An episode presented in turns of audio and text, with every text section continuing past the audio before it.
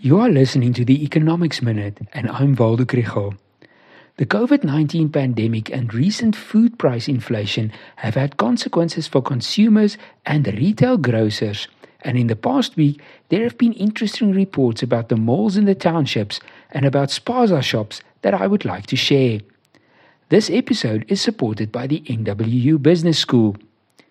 Even though consumers are under pressure, rural and township shopping centers that offer essential products and services are still doing well.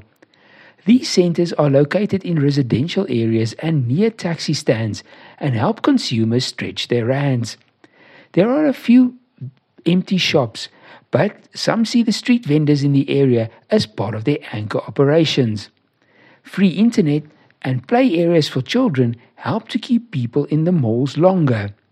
Furthermore, research shows that almost a third of all food in South Africa is bought from spaza shops.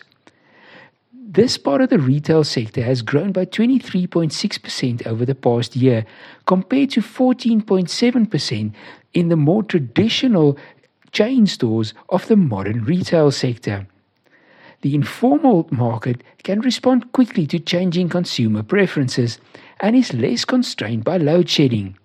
Spaza shops repackage products in smaller quantities to make them affordable, and at some you can buy on credit. It's also not only sales of bread and milk, but other food products as well as cigarettes, alcohol, and toiletries. This success also attracts the attention of major players.